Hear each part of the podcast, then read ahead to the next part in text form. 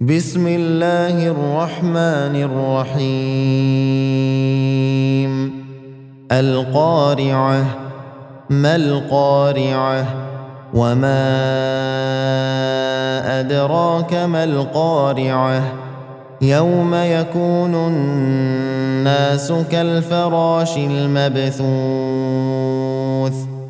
وتكون الجبال كالعهن المنفوش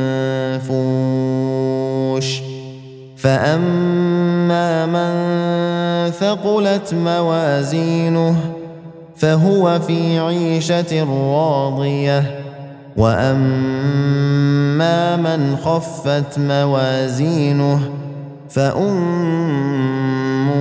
هاويه وما ادراك ما هي نار حاميه